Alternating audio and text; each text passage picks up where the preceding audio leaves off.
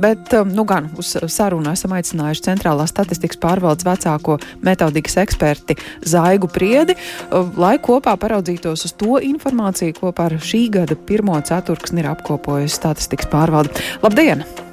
Labdien! Tātad uh, bezdarba līmenis 7,3%, nodarbinātības rādītāji, kā tā dinamika gada pirmajā ceturksnī ir mainījusies. Tātad uh, šodien publicētie darba spēka apsakojuma rezultāti liecina, ka nodarbinātības līmenis salīdzinājumā ar situāciju gadu iepriekš un arī ar iepriekšējo ceturksni ir pieaudzis, un tas ir 63,2%. Uh, Pirmajā ceturksnī Latvijā bija nodarbināti 869,3 tūkstoši cilvēku. Salīdzinot ar mūsu kaimiņu valstīm, nodarbinātības līmenis Latvijā ir zemāks kā Lietuvā un arī Igaunijā. Ir arī skaidrs, kādi iemesli tam varētu būt. Nu, šis apsakojums nesniedz atbildi uz iemesliem, bet šāda situācija ir vērojama jau vairākus gadus, ka mēs mhm. tomēr mūsu nodarbinātības līmenis ir zemāks. Mm -hmm. Kā ir ar sabiedrību jau tā sīkāk raugoties, kuras ir tās ekonomiski aktīvākās grupas, ja runājam par, par darbu? Ekonomiski aktīvākas, protams, ir vecuma grupas sākot no 35 gadiem un līdz pensijas vecuma sasniegšanai. Viena no uh, grupām, kuram mēs pievēršam uzmanību, ir jaunieši 15, 24 gadu vecumā, kur nodarbinātības līmenis ir 29%, kas ir saprotams, jo liela daļa jauniešu joprojām mācās un Jā. ir ekonomiski neaktīvi. -hmm. uh, Šajā apsekojumā iezīmēs arī kāda ļoti interesanta grupa cilvēku vecumā no 75 līdz 89 gadiem. Arī senioru vidū izrādās ir cilvēki, kas ir iesaistīti darba tirgu. Jā, šī grupa ir jauna mūsu apsakojumā, tikai otro gadu tiek aptaujāti šie cilvēki un 4,5 tūkstoši cilvēku šajā vecuma grupā ir arī nodarbināti.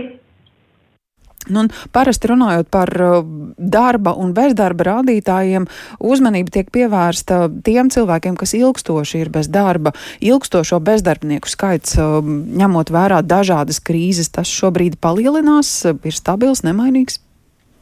Šajā ziņā mm, pozitīva tendence, ka ilgstošo bezdarbnieku īpatsvars nedaudz samazinās. Cilvēki pārsvarā atrod darbu līdz gadam, un lielākā daļa no tiem, gandrīz puse no bezdarbniekiem, līdz pat pieciem mēnešiem.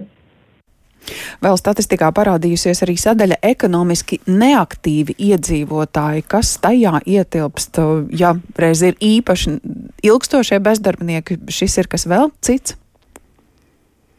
Ekonomiski neaktīvi iedzīvotāji tie ir pārsvarā, es jau minēju, jaunieši, Jā. kas mācās, arī pensionāri mhm. šajā grupā ietilps. Protams, ir arī cilvēki, kam ir dažādas uh, veselības problēmas, kuri nevar strādāt un līdz ar to arī darbu nemeklē. Uh, tāpēc viņi tiek uzskatīti par ekonomiski neaktīviem. Jā, par ilgstošajiem bezdarbniekiem, uh, kur to skaits ir nedaudz samazinājies, nu, varēja šķist, ka Covid un, un krīzes dēļ tā situācija varētu būt uh, sliktāka. Uh, kā Covid laiks ir ietekmējis nodarbinātību? Tīpaši jāprunā varbūt par attālināto darbu. Jā, šī darba forma ir jauna, kas uh, nu, plašāk ir ieviesta tieši Covid krīzes laikā. Attālinātais darbs, uh, teiksim, 130 3000 cilvēku strādā attālināti. Viņi strādā attālināti dažādos uh, darba laika režīmos. Uh, vairāk kā puse visu darba laiku strādā attālināti. Tad uh, nākošā grupa ir tādi, kas 3 līdz 5 dienas nedēļā strādā. Katrs piektais no attālināti strādājušiem un nedaudz mazāk ir tādi, kas vienu, divas dienas nedēļā strādā attālināti. Vēl ir pavisam neliels skaits tādu, kas tikai dažas dienas nostrādā attālināti vai arī daļu no darba laika attālināti. Tie lielākos ir uzņēmumu vadītāji vai arī vidējā līmenī strādājošie, par kādām nozarēm varētu šķist. Runa ir galvenokārt par, par biroja darbiniekiem. Ja mēs runājam par profesiju grupām, tad tie galvenokārt ir speciālisti, kas strādā attālināti, un neliela mazāks skaits arī, arī vadītāji, protams. Dzimuma atšķirības te arī iezīmējas. Nu, pieļaujot, ka ir cilvēki, kuriem darba devējs pat atļauj izvēlēties sev ērtāko darba formu? Uh, lielākā daļa, gandrīz divas trešdaļas uh, no attālināti strādājošiem ir sievietes, un attiecīgi tad viena trešdaļa ir vīriešu. Bet šeit jāņem vērā, ka iespējas strādāt attālināti nav visos darbības veidos, un, un līdz ar to arī Protams, tas dzimuma dalījums ir tāds uh, at, atkarībā no tā darbības veida, kurā cilvēks strādā. Nu, droši vien, ka jā, šajā informācijā raugoties, uh, ir uh, jāprecizē tas, ka, ka šos datus uh, statistikas pārvalde iegūst tieši no pašiem nodarbinātajiem, vai tā? Dati tiek iegūti iedzīvotāju aptaujās, ne tikai nodarbinātie vecuma grupā 15-89, tiek aptaujāti iedzīvotāji par ekonomiskās aktivitātes jautājumiem, to skaitā arī par, par nodarbinātību un to saistītiem jautājumiem, arī par darbu meklēšanu, un, un, un tur arī mēs uzzinām par ekonomiski neaktīvajiem. Mm -hmm. Uh -huh.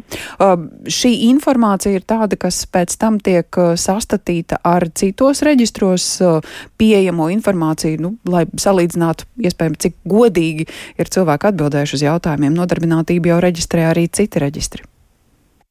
Mēs daļu informācijas šajās aptājās iedzīvotājiem nejautājam to, kas ir iespējams iegūt reģistros un arī, protams, bezdarbnieku skaitu mēs salīdzinām ar nodarbinātības valsts aģentūrā reģistrēto bezdarbnieku skaitu. To mēs arī publicējam šos novērtējumus ik mēnesi.